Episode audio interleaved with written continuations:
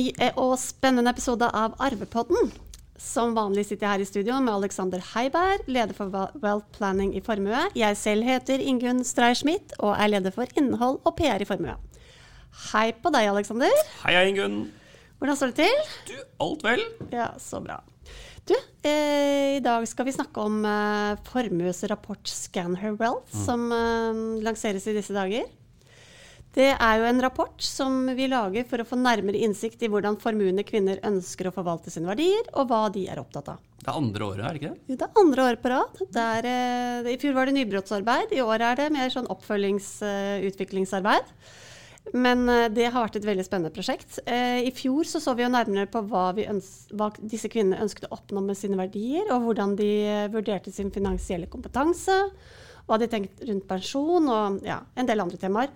I år har vi gjort et nærmere dypdykk i hvilke tanker og erfaringer de har rundt overføring av verdier mellom generasjoner. Passer jo perfekt for Arvepodden. det er derfor lagde, vi lagde denne rapporten. Spesiallaget for Arvepodden. Nei da. Eh, men denne rapporten er altså basert på en spørreundersøkelse foretatt av 450 kvinner i Norge, Sverige og Danmark. Og i tillegg så har vi dybdeintervjuet seks formuende kvinner. Mm. Um, dette arbeidet har eh, jeg gjort i samarbeide med Helena van der Esch, og derfor har vi invitert henne inn i eh, Arvepodden i dag. Velkommen, Helena. Takk så mye. Takk. Um, for de ivrige Arvepod-lytterne så kjenner de kanskje allerede igjen Helenas stemme, for du har jo vært her før. Takk for at jeg fikk komme tilbake. Velkommen igjen, skulle jeg jo sagt. Ja. Men uh, Alexander, før vi slipper til Helena, hvorfor er det interessant å få mer kunnskap om hvordan formuende kvinner tenker rundt arv og generasjonsskifter? Ja, det, uh, det, enkle svaret på det, det er jo at uh, kvinner nå gradvis kontrollerer større og større andel av verdens formuer. Og det er jo tall som tyder også på at flertallet av formuene kommer til å bli kontrollert av kvinner. Det er flere årsaker til det. For det første så skaper jo kvinner mange former. Eh, jeg tror i rapporten vår så er det vel 51 eh, av de skandinaviske kvinnene som er spurt, som sier de har skapt formuen selv. Det stemmer. Uh, litt lavere i Norge, men, men mm. det er jo en stor gruppe som, som, har skapt. Og så er det selvfølgelig de andre tingene hvor man Kanskje før så, så vi tendensen til at noen overlot verdiene, bedriftene eller andre verdier til eldste sønn. Så er jo det det er ikke så ofte vi møter det lenger. Nå er det mer at man lar barna arve. Og da, da kommer jo også kvinnene på, på, banen som arvinger. Og i tillegg så er det jo fortsatt sånn, av uh, sikkert gode grunner, men at kvinner lever lenger enn menn. slik at vi ser også at mange sitter igjen med verdier fra, fra, fra ektefelle. Som, som, kanskje er skapt sammen, men hvor, hvor det er til syvende og sist kvinnen som sitter igjen og kontrollerer det. Og derfor så, Hvis vi liksom legger til grunn at nå er det flere og flere kvinner som kommer til å kontrollere eh, formuene, så er det jo interessant å vite hvordan de tenker rundt det. Og det har man jo sett litt for lite på. Ja, det er akkurat det. Og det er jo en eh, kundegruppe som kanskje det er vanskelig å få innsikt i. Eh, og det er jo derfor vi mener at denne undersøkelsen gir et ganske unikt innblikk i hva de tenker. Så er det ikke, så bare så det sagt, så er det ikke sikkert nødvendigvis at, man, at de tenker helt annerledes enn enn menn, men vi vet så mye om hva menn 50 pluss uh, tenker rundt Den formene sine. De stemmene har vi hørt ja, ganske lenge. Hørt. Så nå er det jo interessant å prøve å høre om det er noen flere stemmer som enten bekrefter det samme bildet, eller, eller tenker litt annerledes. Ikke sant? Da går vi over til rapporten, Helena. Og hva synes du er det viktigste funnet vi har gjort i rapporten? Alltså, vi har ju lärt oss jättemycket av den här rapporten men det jag skulle vilja lyfta fram som det absolut mest intressanta för oss det är ju faktiskt att hälften av kvinnorna har inte förberett sitt nästa generationsskifte. De har alltså inte börjat planera hur deras, eh, det man äger ska föras över till nästa generation. Och i tillägg till det så ser vi att hela 90 procent svarar att man inte är dugg orolig över detta. Man känner sig alltså väldigt lugn. Eh, det är väl någonting som vi alltid kan tycka är sympatiskt, att man inte går omkring och är orolig. Det skulle vi kunna luta oss tillbaka och säga så bra, alla är happy. Men eh, som rådgivare så känner jag ju faktiskt precis tvärtom. Att eh, vi saknar ju här... Du känner en oro? Ja, jag blir orolig. Jag blir ja. faktiskt orolig när eh, ägare inte är oroliga. Eh, nej men eh, skämt åsido så är det ju faktiskt så att eh, vi saknar en sense of urgency. Vi vet att det är, ansvar, det är stora ansvar här att vara ägare och vi behöver börja eh, man behöver börja planera väldigt tidigt. Men du, hva tror du Alexander, at det kan skyldes at de ikke kjenner noe uro? Det er sikkert uh, veldig sammensatt. Men jeg tror jo at noe handler om at uh, mange har lite erfaring med det å overføre verdier. Uh, og, og, særlig når man har skapt formen selv, så er det kanskje første store generasjonsskifte man skal gjennom. Og man, ja, man vet egentlig ikke helt hva man, hva man står foran. Jeg tror også at vi ser et snev av Kanskje noe vi ser på all planlegging også. At det handler litt om at hvis du kanskje du er i ja, 40-50-årene og tenker at ja, dette ligger litt frem i tid Innerst inne så vet jeg at dette er nok noe jeg burde ta tak i. Men, men det, er det, er litt, som med pensjon. Mm. Alle vet at ja, jeg burde se litt, jeg burde få oversikt, jeg burde, jeg burde liksom sikkert, og det kan være noen smarte ting jeg bør gjøre i dag. Allikevel så ligger det litt sånn frem i tid. Jeg tror at vi mennesker ikke helt De fleste av oss har ikke den, den, den, egenskapen til å se oss selv i den situasjonen tilstrekkelig nok til at jeg kan begynne å handle her nå. For det er en situasjon man egentlig gruer seg litt til? Enten det handler om pensjonist... Gruer seg eller skyver på, eller det kan være mange, mange årsaker. Men, men, jeg tror at Helene har helt rett i at og, og vi er sikkert litt preget av at vi som rådgivere sitter jo veldig og ser også de sakene som som er vanskelige, hvor det, hvor det går dårlig. Vi tenker åh, hadde de bare startet å planlegge litt før? Absolut. Jeg, jeg ser jo det hele tiden Og jeg tenker også på at når vi talte med vissa av de her kvinnene, så lyfte de här kvinnorna fram at man fortfarande kanskje ikke riktigt hade bearbetat färdigt det förra generationsskiftet. Alltså de, de nuvarande ägarna håller kanske fortfarande på att bearbeta upplevelsen av hur de blev ägare. Mm. När det har skiftats en gång tidigare redan innan.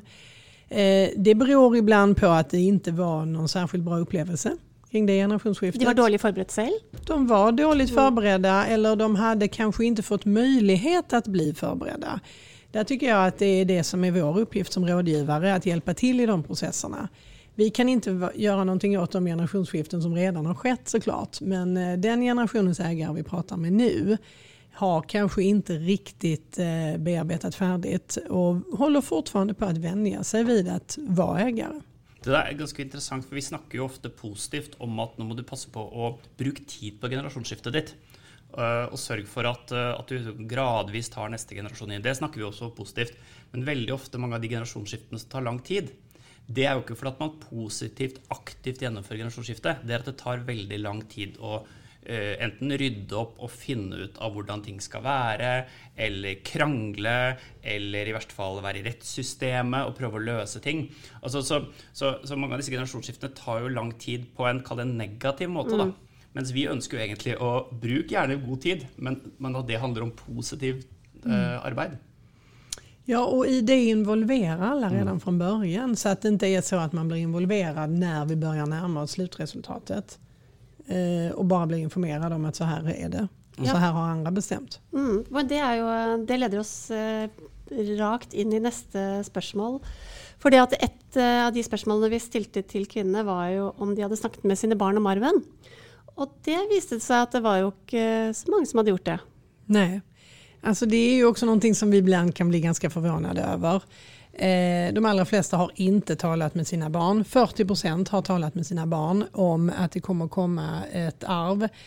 Eh, nu ska vi också klargöra att som barn kan man vara i väldigt många olika åldrar. Men det här är så att finner man sig själv i en familj med en större förmögenhet eller med ett eh, familjeföretag eller någonting annat som nästa generation ska ta ansvar för då behöver man prata redan när barnen är barn, alltså omyndiga, innan man har blivit vuxen. Det är, här är det också någonting som vi behöver hjälpa till med och att man hittar ett naturligt sätt att prata till sina barn eller helt enkelt inom familjen om vad är det vi äger i vår familj och hur kommer det att se ut i framtiden. Hva tenker du Alexander? Eh, har du, eh, når er liksom man bør begynne å snakke med barna om arven? Ja, det, det der, der, er jo et uh, veldig interessant tema. Det tror jeg vi um, Skal vi komme tilbake til en senere pod, men du kan jo ta en liten teaser. Jo, men, men temaet er uh, Jeg tror at liksom, man, må, man, må, dele litt opp. Én ting er at nå skal vi sette oss ned og så skal vi ha den store praten. Um, det, så det er én måte å snakke med barna våre på. Jeg tror jo at en mye viktigere måte å snakke med barna våre på, det er alle de små uh, samtalene man har i det daglige. Rundt om det er familievirksomheten, om det er det å, å, bygge opp verdier, om det er det å ta vare på verdier, om det er om privatøkonomi, alle de, de tingene. Og eh, jeg, jeg, tror jo at både måten vi snakker om det, og ikke minst hvordan vi selv opptrer Altså Vi er jo rollemodeller, og vi ser, alle har jo sett hvordan barna kopierer oss, og bare de suger til seg informasjon om hva vi ikke bare sier, men hva vi gjør. Mm. Uh, og, og, jeg tror det er mye mer viktigere å være bevisst summen av all, all, den kommunikasjonen enn den at nå skal vi sette oss ned og ha den alvorspraten. Det der å ja, innarbeide gode holdninger, og, og, ikke minst respekt i denne historien som kanskje formuen har med seg, da, tror jeg er kanskje er vel så viktig. Og det er jo, som du sier, det går jo ikke på en ettermiddag å få inn det. Men um, en annen ting som vi um, har spurt disse kvinnene om, er jo um, Og som jeg tror kanskje mange er opptatt av, det er jo det derre For å unngå en konflikt da, i familien, så vil kanskje de fleste foreldre at barna skal arve helt likt. Jeg tenker Det er jo da er vi på trygg grunn. Og det er kanskje det som gjør at mange utsetter også, for de tenker at nei, men dette er jo så enkelt. Alle skal arve helt likt, så her blir det ikke noe problem. Vi trenger ikke planlegge noen ting. Ja, det er jo derfor mange ikke setter opp testament engang. Ja, ja. Men sier ikke arveloven bare at, skal, at, det skal deles likt mellom barna mine da? Ikke sant. Og så tenker de at det tar jo de når jeg er død. Jeg slipper jeg å tenke på noen ting. Så, men hvorfor er ikke det så smart å tenke sånn? Nei, vi kan jo øh, altså, sånt, liksom den, den juridiske utfordringen, det er jo at det høres så greit ut. Og arveloven har jo en struktur som sier at, uh, at det skal deles likt mellom arvingene mine. Men, men den sier jo ingenting om hvem skal arve hva, hvem skal arve bedriften, hvis vi har det, hva med eiendommen og hytter, og hvordan skal det verdsettes, og alle disse her tingene. Ja, det, da sier jo arveloven egentlig bare at hvis dere ikke blir enige, så finnes det mekanismer å løse krangling. Uh, og den, den, altså den, gir jo i veldig sjelden grad en forutsigbarhet og en, en ryddighet i det. Så, så, jeg har til gode å sitte med noen og si at nei, men vi bare dropper å sette opp et testament. Det bør, vi, det bør på en måte alle gjøre. Um, og, og, det er ganske interessant, for når man begynner den diskusjonen, å sette opp det testamentet, ja, da begynner folk å si at ok, dette med likebehandling, det var kanskje ikke så lett likevel. Fordi at Én ting er jo at det skal være delbart, det skal være likt. Men så er det jo også at veldig mange har jo barn med kanskje litt ulike forutsetninger, litt ulike behov, og ikke minst når det er en bedrift involvert. Så det antar jeg du har sett mye av i din rådgivning, Helena. Så ser man jo at, at denne, liksom, denne like tanken ikke blir så enkel å gjennomføre i praksis. Det er jo altså ofte så at jeg måtte føre opp det her med rättviseaspekten ganske tidlig når jeg arbeider med familier og berette at det faktisk ikke finnes noen rättvisa. Mm. Men däremot så är det väldigt viktigt att det finns rättvisa processer och det var det jag var inne på innan när jag sa det här betydelsen av att man är inbjuden redan från början och inte bara blir informerad om att nu har vi bestämt att det ska bli på det här sättet. Och det visar ju rapporten att 47 procent tycker att det är viktigt att nästa generation får lika mycket. Där är jag kanske lite förvånad på andra hållet att den är ganska låg den siffran. För att mm. generellt när vi pratar med ägare idag, när vi pratar med föräldrar så vill man att det ska bli rättvist, det ska vara likt. Men där får vi hjälpa till med att föra en öppen kommunikation. Eh, ha intensiva samtal både individuellt och tillsammans i familjen så att alla förstår vad det är som händer och förstår varför det blir som det blir. Ja, for Det kan jo hende at eh, selv om man deler likt, så oppleves det som urettferdig av eh, av arvingene. For det er jo ofte sånn at man kanskje har lagt inn litt mer tid, litt mer ressurser hos foreldrene. Noen har ikke brukt tid i det hele tatt. Kanskje noen opplever at det, at det da er urettferdig. At likt er urettferdig. Mm. Ikke sant? Og det, mm. så, her er, så er det jo tids, en tidslinje her som mm. veldig mange fort glemmer. fordi at man kan sitte og så kan man tenke at jo, men jeg skal gjøre et generasjonsskifte. På ett gitt tidspunkt uh, så settes en strek i sanden, og så gjør jeg generasjonsskiftet mitt. Og så er det ikke det som skjer. Fordi at i praksis så kommer det eldste barnet ditt kommer opp i en alder. Så vil de hjelpe dem med bolig.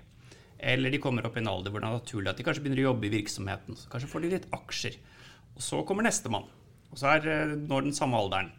Og så vil, mener de at ja, men da skal jeg ha samme hjelp av foreldrene. Da kanskje boligprisen har steget. Skal du få, det, skal du få liksom samme type bolig, eller er det nominelt kronebeløp som skal være likt?